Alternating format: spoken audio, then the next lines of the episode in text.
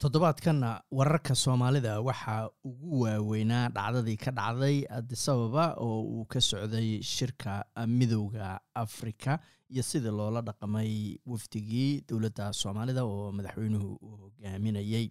iyo sidoo kale heshiiska dhex maray soomaaliya iyo weliba turkiga. Maxamuud ibraahim maxamed waa aqoon-yahan degan magaaladan melbourne arrimahaas ayaana wax ka weydiiyey waa kan isagoo ka jawaabaya marka hore arrintii adisababa ka dhacday. Sida dowladda soomaaliya uga hadashayna laba wey dhinaca xagga wasaaradda arrimaha dibadda macabashadaas waa mid caadi oo nidaamka diblomaasiyadda adduunka marka khaladada caynkaas oo kale dhacaan loo maraa. Etoobiya naftigeeda waxaan arkayay gabadh hadashay wasaaradda arrimaha dibadda oo aad uga hadashay oo lehay maaragtay ama dhaqanka etoobiyaanka ama mas'uuliyadda aanu kontonkii sane eurubka midooda africa jiray ku soo wadnay wax ka baxsan weeye arrinkaas waa arrin la siyaasadeeyey oo mediaha iyo waxaasa laakiin in generally kolleyba waxa weeye waddanka loo martigay isfideeyahay weliba marka shirku yahay shir caalamiya oo caynkaasa isaga ayay subcan xubo ku tahay in waddan kale weliba waddankiina waddani sidaas soomaaliya oo kale deris yihiin arrintaas kale dhacdo kolleybana waxaa loo baahayay in wixii dhacay official document laga sameeyo oo complain xagga ururka midooda africa loo qaado intaa wixii dhaasiisanay hadda waxaanu haynaa waxa weye complainka xagga soomaaliya ka yimi iyo isdifaaca etoobiya dooda soomaalida dhexdeeda oo arrintan ka dhalatay dadka qaar baa qaba madaxweynuhu inuu aadaba ma ahayn maadaama khilaaf ballaaran uu socdo m o udii ay muran badan soo kala dhexgelisay labada dal dadka qaba ka waran aragtida madaxweynuhu shirkaas inuu ka baaqday ba ahayd. Wallahi horta dee bilaadan baynu nahay laba aragtiyoodba meesha way yaalaan aragti lahay xagga far ride oo fog oo ahay in colaadii action lagu muujiyo oo qoladaas waa qolada taageersan inaan madaxweynuhu aadin. Laakiin adisababa markaa maxay ahayday in beeri gar laygama helo waayo geedkaba intaana tegin baan garteeda soo naqsadaa mar haddii africa oo in ka badan fifty four countries u imanayeen arrinkeenuna ishii u taagan ahayd instead aad ka maqnaan lahayd oo etoobiya iyadu firshankeeda marsan lahayd meesha ama si goorgoomiye ama si janaraala in soomaaliya tagto oo mowqifkeeda dhibato. Hadday gobol xaarikii wasiirada arrimaha dibadda ahayd ahaan lahayd iyo hadday ahaan lahayd tii head of stateskaba inaynu meesha tagno oo taladeena dhiibano adigoo garle inaad dibadda istaagto oo garta haddii lagu dhaafiyo absolutely anigu khalad baan arkaa inuu tago iyo inuu mowqifka dalka sida ugu waadixsan uga dhiibto oo weliba uu golo campaign siiba waddamada regional powerka sida south africa iyo nigeria senegal iyo masar waddamada saameynta kule waddamada kale iyo kuwa aynu deriskana jabuuti iyo kenya inuu si gaara keiska ugala hadlo waayo keiskan badda soomaalida etoobiya wuu ka duwan kii hore ee kenya. Kii hore kenya waxay ahayd dee xariiqdan halkan ay martaa iyo xariiqdan halkan ay martaa laakiin tan waxa weeye maaha xariiqa waxa weeye intan baan anigu dhulkaagan intan qaadanaya yani. Shaarkaaga intaa ii jir gacantaa iyo intaa garabkaa ii jir weeye. Marka waa arrin ka duwan kii hore marka in maaragtay cambaynka caynkaas inuu tago ayaan anigu shaksiyan ahaan taageersanaa waxaan u arkay in shir kasta oo caalamiya dooda la ballaariyo hadday midooda africa noqoto hadday united nation ka noqoto all international stageska political ahaan cambaynka la wado waayo dagaalka mediaha iyo afka iyo diblomaasiyaddu wuu ka adagay dagaalka qoriga. Ah oo qorigii mar haddii african ayaamaha hore hadday etoobiya inay xoog badan tahay baa loo haystaa laakiin haddii dagaal maanta dhex maro first few months baa laga yaaba inay gacan sarreyso waxay ka dambeeyana laba african oo weliba adigaa dhulka iyo deegaankiiba laho more likely inaynu inagu guulaysanaba iyaga dhibaxada inay dub back fires ku keento iyagu ay ku kala tagaan baaba dhici karta. Marka quwadda military wax weyn maaha marka labada darse aad darsu yihiin laakiin in international yani qulubta dadka adduunka la hanto oo adoo gar la'aan garta laysa siin adoo cadowgaaga gudahaaga abaabulaya oo dibadaada asxaab ka raadsanaya haddana in meel kasta oo arrinka lagu soo qaadayo aynu garteena naqsano waanaynu noqon dee nin nin dee isagoo garle golihii ka kacay waa yaro maaragtay liidasho waa garta marka maxamuudow labaatan iyo afartii saacadood oo u dambeysay warka ugu weynaa wuxuu ahaa in soomaaliya ay heshiis difaac iyo mid dhaqaalaha la gashay dalka turkiga si deg dega ay golaha wasiirada iyo baarlamaanku u ansixiyeen. Sidee u aragtaa heshiiskaas soomaaliya iyo iyo turkiga ay wada galeen. Horta turkigu dee marka ay timaado xidhiidhada waa wadan dhaqaale ahaan iyo awood ahaan ba waddamada hadda adduunka labaatanka ugu sarreeya ku soo jira weeye. Secondly waa wadan aynu waxyaalo badan sheergarayno xagga diinta dhaqanka iyo historicaliba marka si walba loo eego in wadan wadan xidhiidh la wadaaga ethoopiadan ka dhigay wax problem ma laha as long as aanad interestkaaga luminayn xaaladan hadda jirta markaan indhaha aad halkaad ka doonayso xitaa ka eego turkigu waa wadan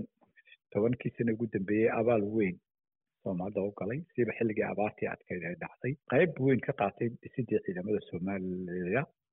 hadday yihiin badda iyo hadday yihiin ciidanka caadiga oo xitaa akademika dhex sameeyey wadanka thing ee ka sii muhiimsan waxa weeye turkiga maanta heshiiskaad la gashaa waa heshiis caalami ah. Wadan xuduud aa wadaagtaan oo border aad ku qabsanaysaan waxba kama duwana heshiiskii ay allahu naxariistay cabdirashiid la galay ruushka ee siyaad barnaynta badan allahu naxariistay labadaba ee implementgareeyey oo dee maalintaynu u baahnay inaynu ka baxno tartiib uga baxnay laakiin heshiiska caynkaas oo kale ah masaldhig military ka siiso gudahaaga oo aad sano waxa weeye dee wax ka duwan nur hadal unbaa ka dambayn weeyaan marka loo eego heshiiska turkigu waa waddankii ugu dhawaa lala geli lahaa xagga difaaca marka timi mar haddaanan maanta ciidan dhuleed ama badeed oo inoo difaaca danaheeni haysan. Dee waddanka ugu dhowey maanta aynu atleast xitaa haddaana intaanay hadalba tegin xitaa dub ha u ethiopia in heshiiskaa la galo.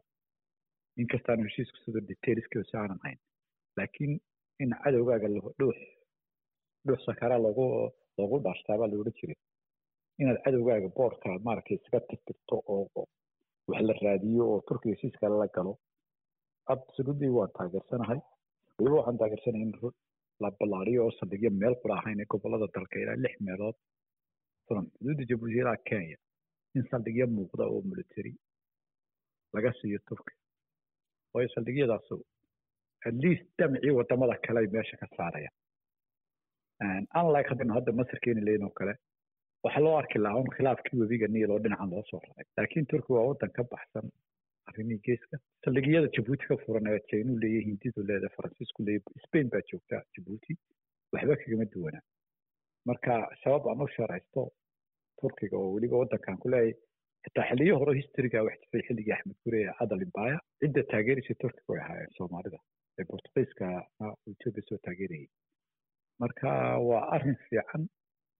haddii si fiican oo daacadnimo iyo wadannimo ka hor jirto oo looga howlgalo oo loo danaynayo qaran soomaaliyeed ama ummad soomaaliyeed oo ciidan soomaaliyeed la dhisayo ee waxaynu ahayn dee teeni yarayd ee iska corruption iyo lacaga la qaatiyo afar maadeerada ayaad meesha geyso waxa weeye waa fursad ciidan adag oo soomaaliyeed oo ciidan badeeda lagu dhisi karo. Waxay soo baahantahay dad dee wixii aan hadal lahayn ee wixii ka dhabeeyo oo yacni waxaanu ay ka tahay aaminaad yani qof dadnimadii soomaalinimadii leh oo waxaan socodsiiya marka insha allah ilaahay bal inuu waafajiyo oo kheyr iyagana ay inay maaragta ka midha dhaliyaan qoladan maanta maamulka dowladda haysata iyo kuwa ka dambeeya waa toban sano waa waqti fiican oo atleast laga dhaxlo ciidan badeedoo badda bal wax kale bal kalluumaysiga sharci darrada iyo iyo iyo dadkan iska maaragtay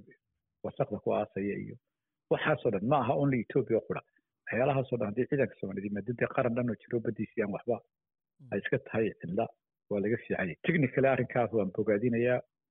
Halana la maradhaliyo halana daacadna halaga noqdaan halaga hawlgalo si soomaalinima ku jirta haloo galo. Waa gartay. Marka maxamuudo waxaad hadalkaaga ku dartay in aadan heshiiskaas faahfaahintiisa ahayn. Adiga keliya ma ahana xildhibaanadii ansixiyey golihii wasiirada heshiisyada noocaas oo kale ah oo dalal ajanabiya lala galo si kastoo dalka aad saaxiib u tihiin baarlamaanku waa inuu ka doodo waa in si fiican loo markaasi loo loo fiiriyo. Xoogaa deg degaas lagu ansixiyey iyadoo aan la ogeyn faahfaahintiisa xoogaa walaac miyaysan keenayn wallahi horta waxaa jira horta heshiiska marka haddii aan dee maxaa la odhan jiray? Anagoo noqonayn hashii maqaarkeeda hashi maqaarkeeda marka diidayso waxay dhaha meel dalooda sheeka eegta meel odhan jiray. Anoon hashii noqonayn haddana marka hadda ay noqonayso heshiis is-afgarad oo laba dowladood ka dhexeeya. Marka ugu horreeya wuxuu ku bilowdaay is-afgarasho ama memorandum understanding.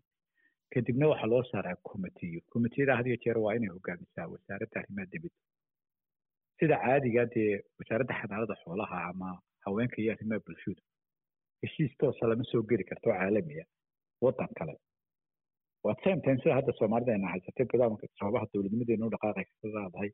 waxaa ka mid ah madaxweyneyaasha stateska oo u dhigma governor of state ama premieradiinan statekan oo kale. Intuu premierkina victoria iska baxo ee lama soo geli karo heshiis china uu saldhigyo ciidan ka siinaya halkan ama ciidan australiana uma diri karo ninka premierka victoria in lagu soo tababaro cuba ama north korea. Marka problemka horta inaga jira waxa weeye haykalkii dowladnimo waxaad moodaa inuu saddex yaacsan yahay. Hadee jeer waxyaalaha khadadaadka dowladdeena ku jira waxaad moodaa in aanay kala lahayn hierarchy ama meel u socoto. Waxaad arkaysaa shir laga hadlaya dhaqaalaha madaxweyne baa tegaya ku laga hadlaya isbeddelka ciidamada cimilada ra'iisul wasaare baa tegaya waddanku waa inuu shaqadu kala qaybsanaataa. Haddii xiriirkan la sameynayo oo wixii la isku afkartay shaqadaa inay wasaaradda arrimaha dibadda soo gasho. Oo dabadeedna wasaarad kastoo danaynaysa xiriirkaa turkiga. Hadday noqoto wasaaradda deegaanka hadday noqoto wasaaradda kalluumaysiga hadday noqoto wasaaradda gaashaandhiga hadday noqoto ifan madaxtooyadu markay timaado arrimaha siyaasadda etoobiya mowqifyada ay qabaan true wasaarad janalka arrimaha dibadda inay maraan may dhicintii markii wixii la keenay wada fasilka wasiir arrimaha dibadda gaashaandhigeedun baa soo galay ilaa dhaqaalan soo saaxay buu leeyahy waa khalad jira laakiin waxaad moodaayay markii la keenay halkan soomaalida waa dad iska caadifiina barashar ethoobiana way jireen innaguna sida caadiga maaragtay waxa weeye soomaalida waxyaala miyigii iyo iraantii iyo haddaad jirto diyaarad hawadaa maraysa haddaynu aragno waxaynu ohan jiray bud robia noqon. Marka la yidhaha maxaad u habaaraysana gaala saaran baynu ohan jira yacni waxa weeye amxaarada qofka soomaaliga maaragtay waa waxaynu iska necibna oo laynagu soo ababiyey marka waxaad moodaa xaaladan taagan in cidiba isweydiin heshiisku muxuu yahay siduu ku yimi oo aynu baaniku ansixinay isagoo baanigaas u jiro haddana? Waxaa jira dee hadday foolitimaado guda qarsilon ninkan halkan soo taaganee le xoog iyo xeeladba waan ku doonayaa dhow. Ayaa ka daran khaladaadkan yaryar ee aan hadda taxayo nin baaba meeshan soo taagan. Waxaynu ognahay dhulkeena dhulka maanta gacanta etoobiya ku jira. Inuu area wise iyo soomaaliyada hadda xortaaba ka wen yahay. Dad ahaana almost seventy percent dad u dhigma dadka soomaaliyada hadda hortaa ku nool ayaa ku nool oo maqan. Waxaaba ka sii daran xitaa dadka qaar dhulka qaar in la sii dhaqangediyayo sida birdhab iyo mooyaaliya ka dhacday. Marka inagoo etoobiya aragna problemkeena barasharkaa jira ee wixii hoose khaladaada ee dowladda nidaamka u shaqaysan tahay. Baarlamaanka wuxuu leeyahay guddiga arrimaha dibadda wuxuu leeyahay guddi difaac waxaa jira hogaanka baarlamaanka oo guddoomiyaha iyo ku-xigeenadiisa iyo xogayaha wixii khaladaad ee saasoo kale dowladda ka khaldan in iyagu dee gacmo geel jira hoos baa loo dhaqaa lama seerseere in iyagu ama madaxweynaha la hadleen ama dowladda waxaa saxaan sababta baarlamaanka loo samaysaana waa intaa laakiin categorily in tallaabo kasta oo etoobiya damceeda lagu qaabin kara la qaado anigu waan taageersana tallaabo kasta oo ma doonayno sidii fifty four. dhacday inagoo soo soo taagtaagan in haddana dhul soomaaliyeed gacan etoobiya galo waayo kuwii horaaban laga wada hadal fifty fourkii bay dhacday nineteen twenty sevenkii bay dhacday eighteen ninety four bay dhacday yacni maaha maalin walba in inagoo arkayna qayb ka mida la qaado problemkan waa jiraa waxaan dadku sheegaya oo dhami maamulkaa isdhexyaaca iyo dee dhaqaalaha wasiir gaashaandhig soo saxeexayo i don't know. wasaaraddii qorsheynta waddanku meeday wasaaraddii maaliyadda meeday intee in leego xitaa markii dhaqaale laga hadlayo ilay innagan nidaamka federaalka qaadana xitaa regionalku waxay leeyihiin wasiiro ama dad u qaabilsan xagga dhaqaalaha iyo horumarka waxaa in markii xitaa talada la soo ururiyo oo atleast agaasimaha wasaaradda qorsheynta iyo maaliyadda iyo ay baxaan oo gobollada tale ka soo ururiyaan intaan wasiirku xitaa hawshaa gelin ayaa habboon. Marka taasi waa technicalitygeena hoose laakiin tan etoobiya in cadaad weyn awood weyn oo adag in la iskaga xidho absolutely waa tala tala